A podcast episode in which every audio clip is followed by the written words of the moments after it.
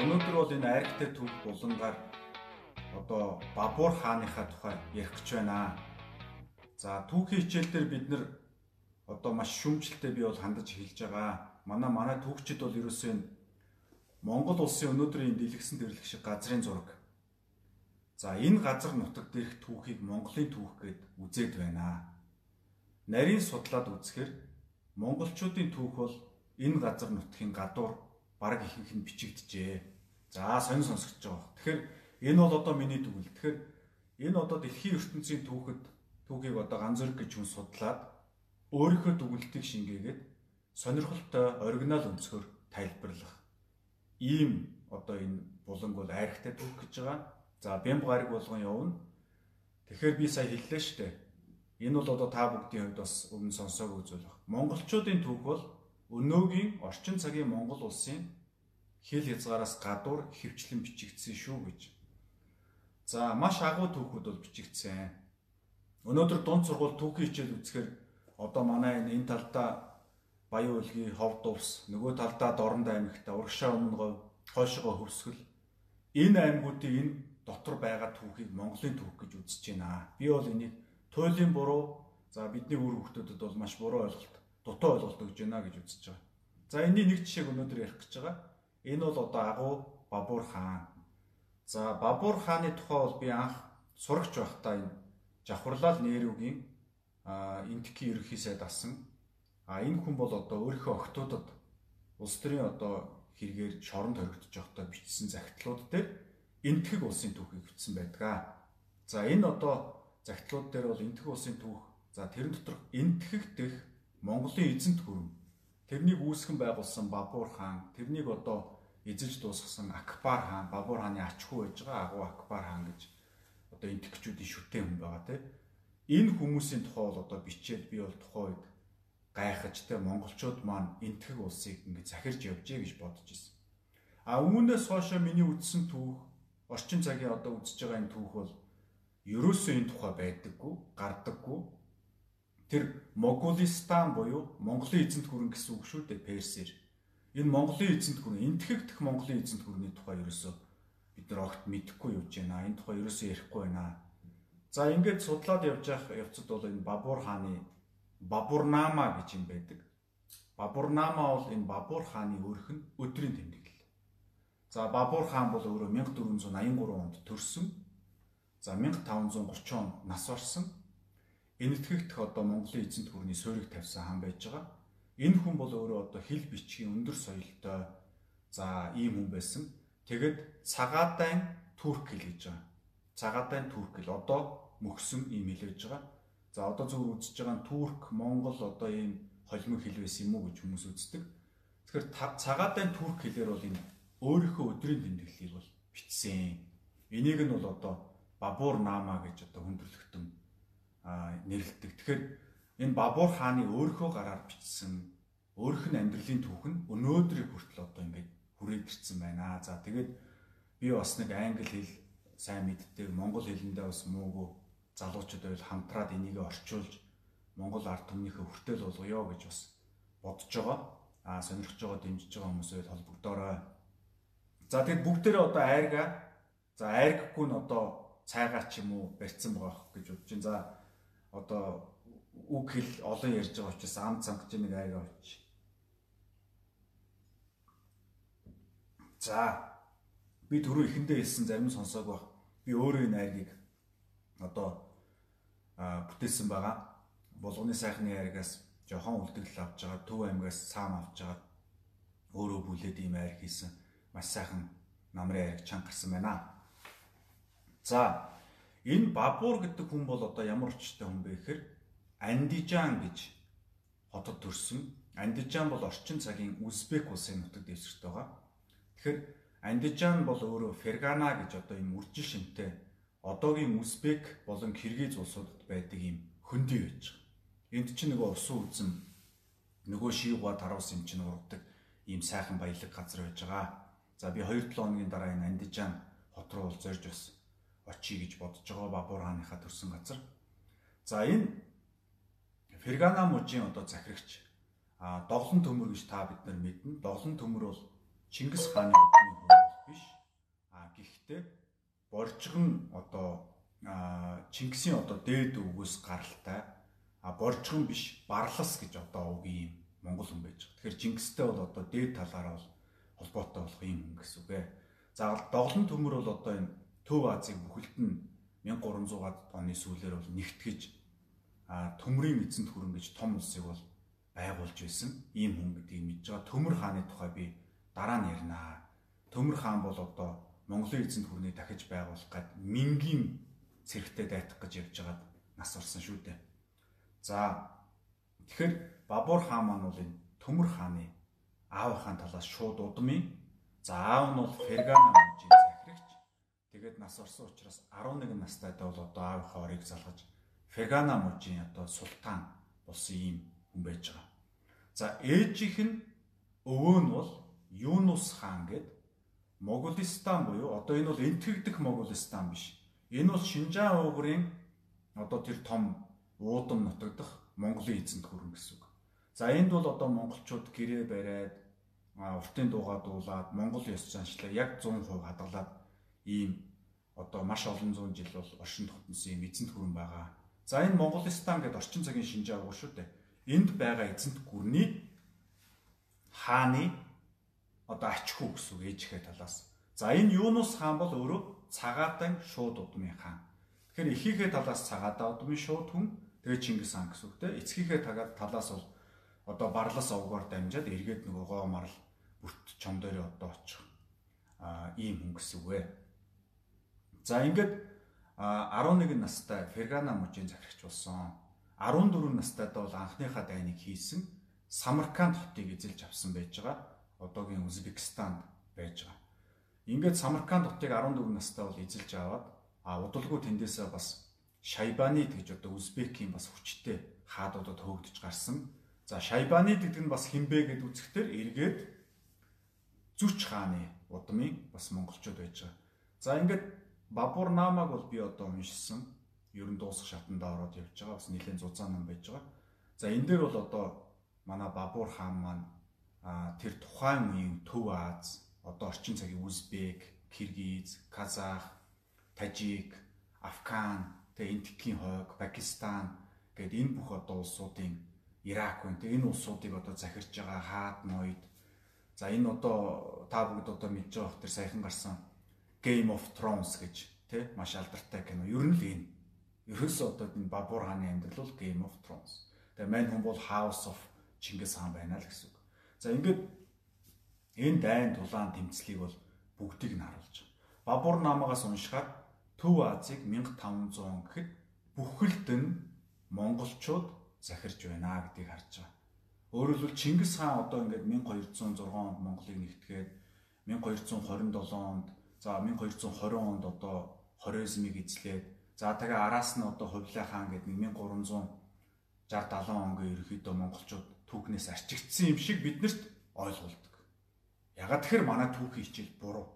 Биднэрт зөвхөн энэ өнөөдрийн Монголын газар нутгийн түүхийг заагаад байдаг.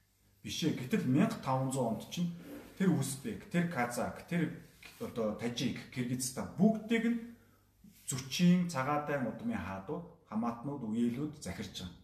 А тэгээд яах нь хоорондоо байлддаг.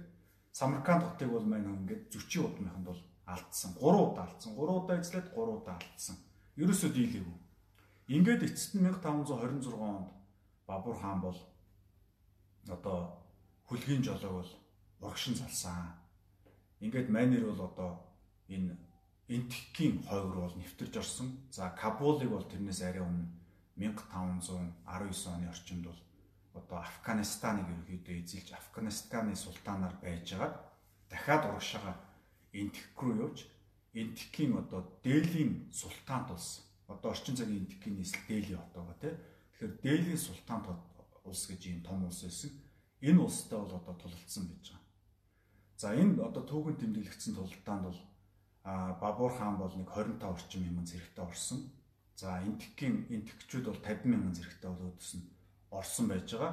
За тэгэд өнөөхөл бидний агуу Чингис хааны гаргасан стратеги, тактикийн, менежментийн гайхамшигт одоо энэ ухаан тий энийг ашиглаж дандаа өөрөөсөө хоёр дахин том армийг зохиж исэн тий. Ингээд энэ 50 мянган зэрэгтэй армийг бол бут цогсон хааныг нь тултаанд бол одоо бас өхүүлсэн байж байгаа. За ингэхдээ Бабур хаан бол анх удаа тултаанд энтхийн хувьд бол өхөр буу за одоо бэлтат буунуудыг те а ашигласан. Орчин цагийн одоо винтов их буул гэсэн үг шүү дээ те. Энийг бол одоо тулалдаанд ашигласнаар бол дайснаа бол хэлбэрхэн дийсэн. Өөрөө бол эргээд бас энэ тоогоор олон байгаа дайсныг бол энэ нарийнхан хавцлаар ингэж шахаж оруулж а тулах цэргийн тоог бол цөөрүүлсэн байгаа. Ингээд армийн буцоход дээлийг эзэлж авснаар бол а энтгэгдэх Монголын эзэнт гүрний бол суурь тавигдсан 1526 онд.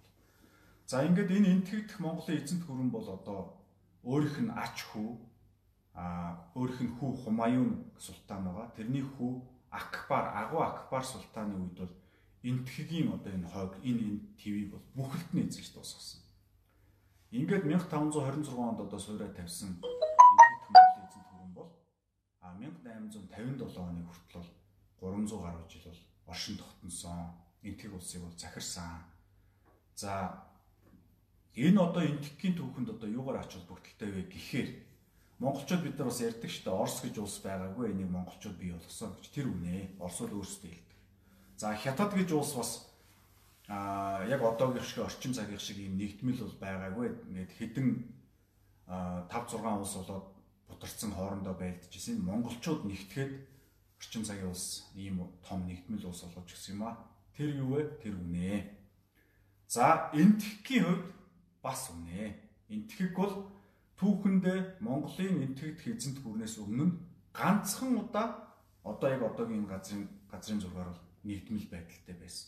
Тэр нь манай эртний өмнөх 300 өөрөөр хэлбэл 2300 жилийн өмнө одоо 200 гаруй жилийн турш бол Маврын эзэнт гүрэн гэж асар том улс байлаа. Энтгэгч чинь бас эртний одоо соёл хэрэгшээ шүү дээ. Одоо буддаг төрөөд удаагүй л байхад гэсэн үг. Буддаа ч 2500 жилийн өмнө төрсөн байж байгаа. Тэгээ тэрнээс хойш бол нэг 200 жилийн хойно бол энтхийн хойг бүхэлдээ Маури эзэнт гүрэн нэгтгсэн. За ингээд одоогоос 2100 жилийн өмнө бол яасан байх нь эргээд бутарсан. Ингээд 1500 жилийн турш одоо Акбар Бабур хааныг очтол бол энтгийг бол маш олон одоо султан тийм улсууд Хинду, Муслим ингээд улсууд бол болцсон хуваагдаад хоорондоо байлдаад байж исэн. Энийг монголчууд очиж одоо нэгтгэж өгсөн ийм одоо бас сонин түүхтэй. Тэгээ өнөөдөр орчин цагийн энтгэг гэдэг бол хүн амын тоогоор дэлхийд хоёрт орох ийм том улс байж байгаа. За эндээс одоо та бүгд юг харж байгаа вэ гэхээр монголчуудын энэ дэлхийн түүхэнд оруулсан за монгол хүмүүсийн гэж ярил л да.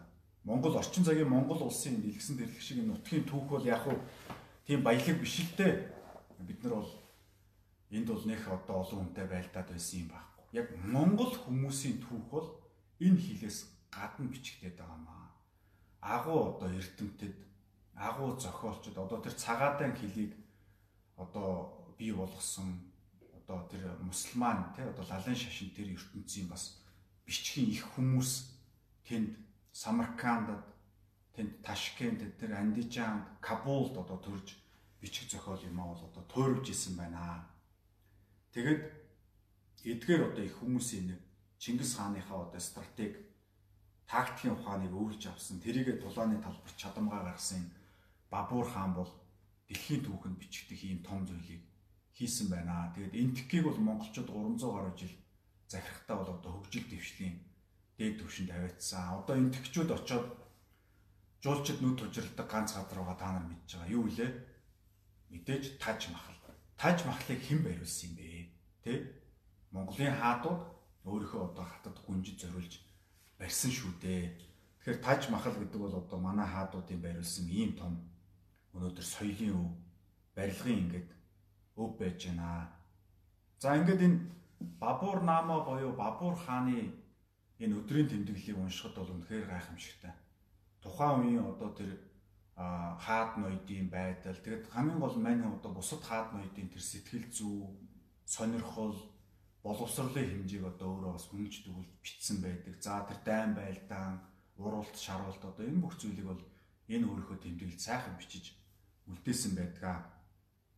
За тэгэд энэ Барлас овг гэдгийн талаар би түрүүн бас товчхон ярьсан. Барлас овг бол одоо Чингис хаантай угсаа нэг боржгон бол биш. Тэрнээс арай дээгүр а одоо тэр э, добуу мэрэгэн дуваа сохрын хавцаа ч юм уу салж гарсан ийм Монгол овг байж байгаа. За барлас овгийнхан бол одоо энэ Перс, Ирак, тэ Афган, Узбекистан энэ нутгуудад одоо Монголын цэрэг армийн гол хүч болж явж байсан. За би бас нэг овгийн тухай ярих гэж одоо бодоод юм тэмдэглэсэн байгаа. Энэ бол долоот овг байна. Долоот овг. Долоодууд гэсэн долоо тий. За энэ долоот овг бол одоо хаана илүү Монголын цэрэг аймаг хөгжүүлж исэн гэхээр энэ Шинжаа угарын бүс нутагт. Одоо энэ Моголстан буюу нөгөө энтгэгдэх Моголстан биш Шинжаа дахь Моголстан. За Шинжаа угар гэдэг бол ерөөсөө монголчуудын нутаг 100%. Энд чинь Монгол гэдэг нэртэй улс байсан. За энэ улс бол одоо сүүлдээ 1700 1800 онд бол ихэд одоо хядагдаж хүчин өгсөн. За сүүлд нь бол ер нь энэ улсыг бол ойрдууд очиж бол мөхөөсөн байж байгаа. Тэгэхээр яг бид чинь бие биенийг л одоо мөхөөдгөл ийм улсууд дээр нь. За ингээд ойрдын зүүн гарын хаант улс бол одоо очиж энэ Моголстан гэдэг 500 гаруй жил оршсон улсыг бол мөхөөсөн би энтгэгдэх Моголстаныг хэрэг байгаа шүү. Шинжаа уурдахыг. За эгээд ойрдууд маань манжуудад бол ихээр хядулсан. Ингээд энэ шинжаа угарын тал бол одоо хоосорсон учраас чин гүрэн одоо манжууд бол энэ уугруудыг дахин нүүлгэж энд авчирснаар одоо Шинжаан буюу одоо өрөмч гээд нийслэлтэй харийн хүмүүс шилжиж ирсэн. Монголчуудын нутаг маань одоо ийм уугруудын ийм нутаг болсон байна. За өнөөдөр өрөмч хотоос бол урагшаа 200 км-ийн зайтай Баянгол гэж аймаг байгаа. За энд бол одоо миний ойлгосноор 300 орчим мянган монголчууд амьдардаг. Нөгөө л одоо ойрдуудын болон өмнөх Моголстаны одоо үр саднар гэсэн үг ээ. За энэ монголчууд бол долоодууд. За миний одоо ойлгосноор Казахстан улсын хүн амын бараг 15% нь бол долоод овгийнхан байдгаа гэж одоо үтсэн зарим их сурвалж харсан яг 100% ихтэй биш байна. Казахстаны өмнөд хэсгэр гэж. Тэгэхээр Казахстаны өмнөд хэсэг чинь хуучин нөгөө Шинжаагуур дахь Монголын эзэнт гүрний одоо хойд хилэл гэсэн үг шүү дээ. За ингээд энэ долоод гэдэг овгийнхан бол одоо Чингисийн алтан ургийнхан яах нь хаадуудыг хийгээд а яг одоо овг аймаг нь бол долоодууд байгаа. За тэгэхээр орчин цагийн Монголд барлас болон долоод овгийнхан байна уу? Би одоо энд бас ганц зэрэг үлзий ирээд пэйж маань 100 орчим мянган дагчтай болсон байна. Эндээс бас мэд хүн байвал хэлээрээ. А миний ойлгосон одоо энэ Бабурнамагаас уншсан энэ түүхээс харахад бол ерөөсөө тухайн Чингисийн айр мурагшаага явахдаа энэ долоод болон барлас овгийнхныг бүхэлд нь нүүлгэн шилжүүлсэн байна гэж ерөөхдөө ойлгож байгаа. Тэгэхээр Монголд бол одоо энэ овгийнхан бас баг байдгүй ч үж магадгүй байв цөөхөн байхыг бас үгүйсэхгүй гэж харж байна. За дахиад нэг одоо факт байгаа.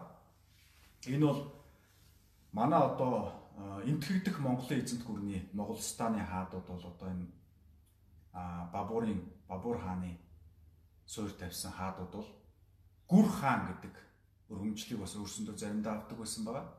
За Доглон Төмөр хаан бол бас өөрийгөө Гүр хаан гэж өргөмжилж ирсэн. Гүркан гэдэг. За энийг бол одоо арабын түүхчид бол энэ бол Гүркан гэдэг бол хүргэн гэсэн үг ээ Монгол. Тэгэхээр хүргэн юм аа Доглон төмөр бол хүргийн Чингисийн одоо алтуурын хүргэн учраас хүргэн гэж хэлсэн гэж байна. За тэгэхээр би бол одоо бас арай эсэргээр а жамуух өөрийгөө гүр хаанаар өргөмжилсөн шүү дээ. Та бүгд санаж байгаа бол. Тэгэхээр би бол хүргэн шүү гэж одоо хүн өөрийгөө өргөмжилсөн байхыг үгүйсэхгүй. Гэхдээ миний бодлоор биш ээ. Энэ гүр хаан гэдэг энэ Чингис хаан, гүр хаан тий энэ цол бол одоо Монголын овг аймагуудын бас хэрэгэлдэг цол байжээ. Жамуух бол өөрийгөө гүр хаанаар өргөмжилсөн. За Чингис Тэмүүжин маань Чингис хаанаар өргөмжилсөн. Тэгэхээр энэ утгаар бол доглон төмөр гүр хаанаар за энэ Чингисийн алтан ургийн одоо бас ээжийн талаас те Бабур хаан эдний үр садууд бол бас өөрсдөө гүр хаан гэж одоо өргөмжилж исэн байна гэсэн ийм одоо би бол түүхийн хөлбөр төвшүүлж байгаа. За тэгэхээр ингээд бям гарг болгон би ийм байдлаар өөрийнхөө хөлбруудыг төвшүүлээд явах юм. Ер нь бол бас тодорхой хэмжээнд баримт юмнууд үзэн логик дүгнэлт хийж байна гэсэн. За манайхан айргнуудаа нэг ууя. үг олдлоо өхөр олдлоо гэдэг чиг. Тэгээд комент юмнууд байвал бичиж байгаарай. За бид чи ерөөсө гол нь айрг ууж альжаар тайлж аятайхан суух гэдэг байгаа шүү дээ. Тэгэхээр нэг тийм албаны байх шаардлагагүй хамтдаа одоо бямб гариг болгон айрг ууцгааж байна. Одоо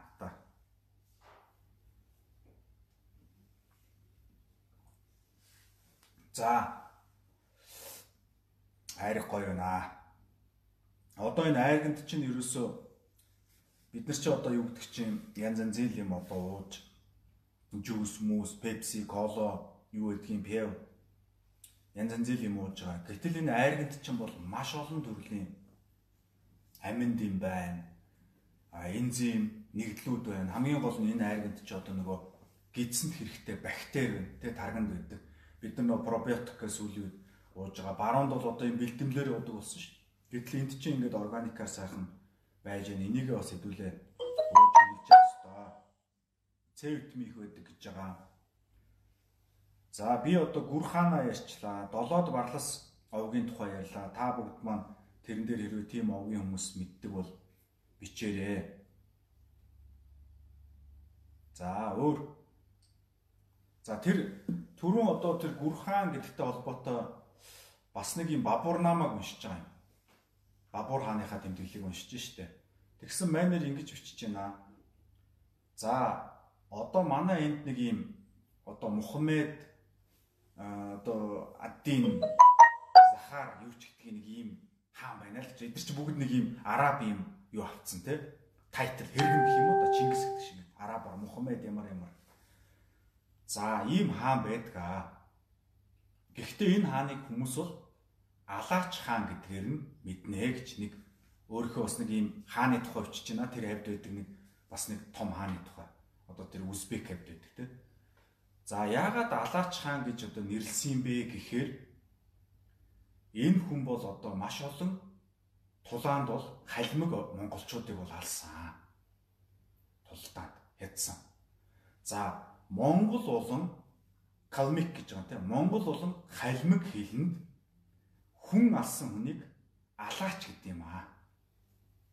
Тийм учраас энэ хүн олон монгол халимгуудыг алсан учраас алаач гэдэг нэртэй боллоо гэж Би одоо 1520-од онд бичигдсэн өнөөдөр хүртэл яг тэр текстээр ирсэн Бабур хааны бичсэн тэмдэглэлээс хэсгээс нь одоо та бүгд хэлж штэ. Гэтэл өнөөдөр Монголын төвчнэр юу гэж ярьдаг вэ?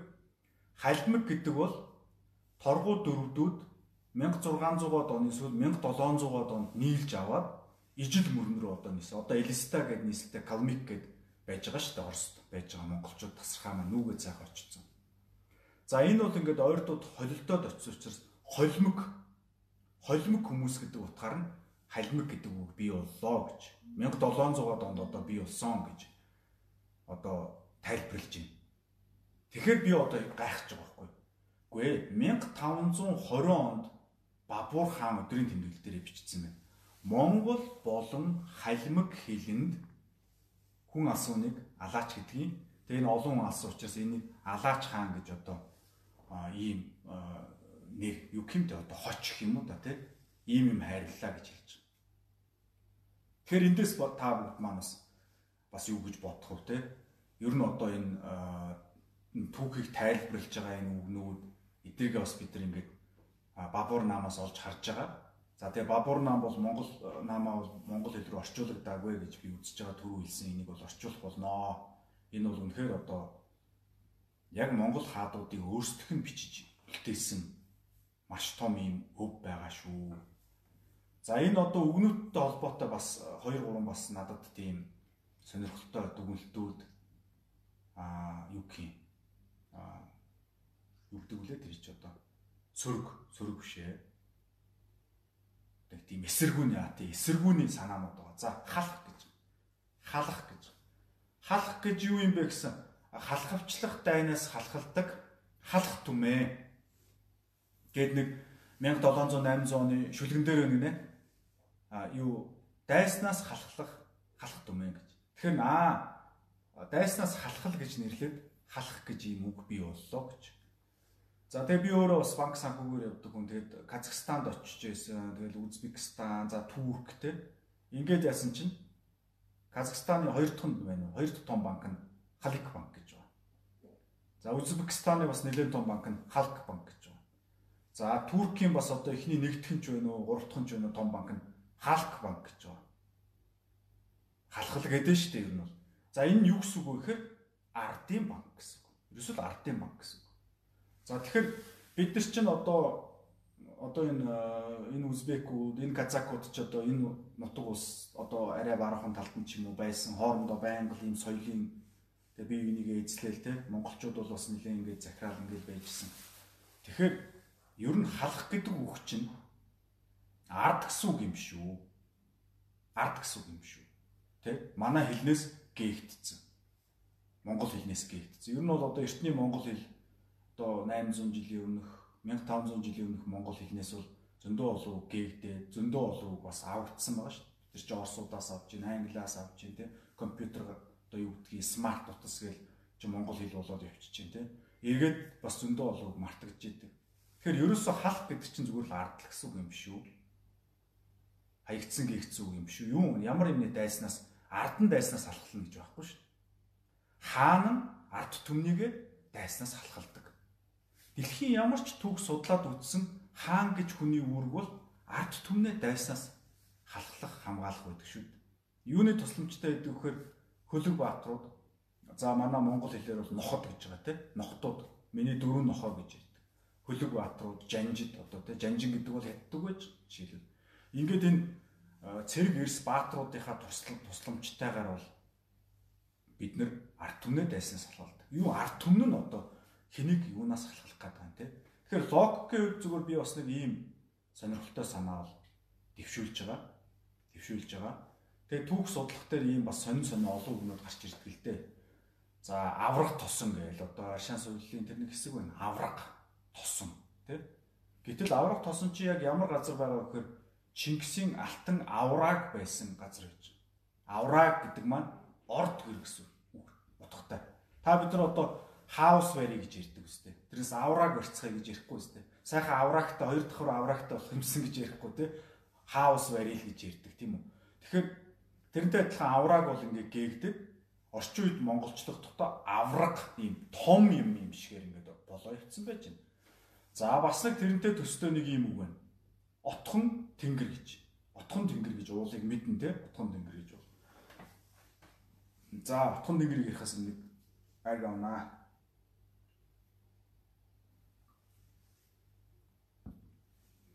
За отхон тэнгэр гэж юу юм бэ? За би тэг түргийн түүхийг судалж ялаа. Одоо Монголын бас энэ нутагт байсан те. Одоо хөвсгөл гэж нуурвал хөв бүсгүүл буюу хөх ус нуур гэсэн үг айлгал тэгж ил байна те. За тэрнтэй адилхан ингээд үзчихсэн чинь отхон тэнгэргээд орчин цагийн Монгол дээр бол юу?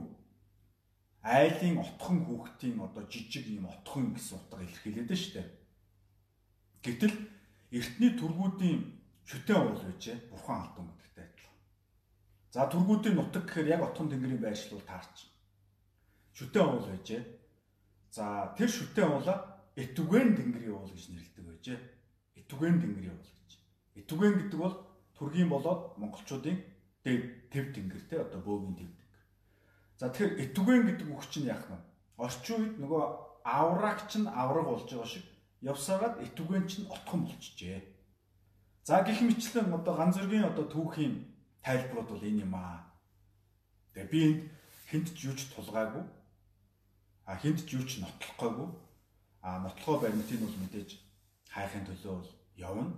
Гэхдээ бидний түүхийн ном дээр бас буруу зөрүү бичигдсэн, буруу зөрүү ойлгогдсон.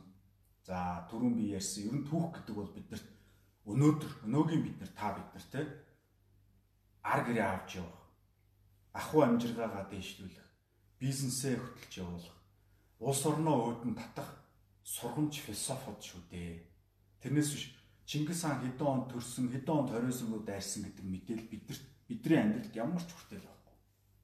Бидний амьдралд юу хүртэлтэй вэ гэхээр Чингис хаан хориозмыг яахад дайрсан юм? Яаж ялсан юм? Энэ асуултуудын хариултыг бид нар хэрэг авах юм бол өнөөгийн одоо энэ ядуу буураа Монгол улсаас одоо хөгжүүлэх боломж бүрдэнэ гэж би зөв харж байгаа. За жишээлбэл Чингис хаан, Бабур хаан, Акбар хаан, Доглон төмөр те энэ одоо 500 жилийн традиц биш үү? Одоо 500 жилийн уламжлал те ямар уламжлал юм?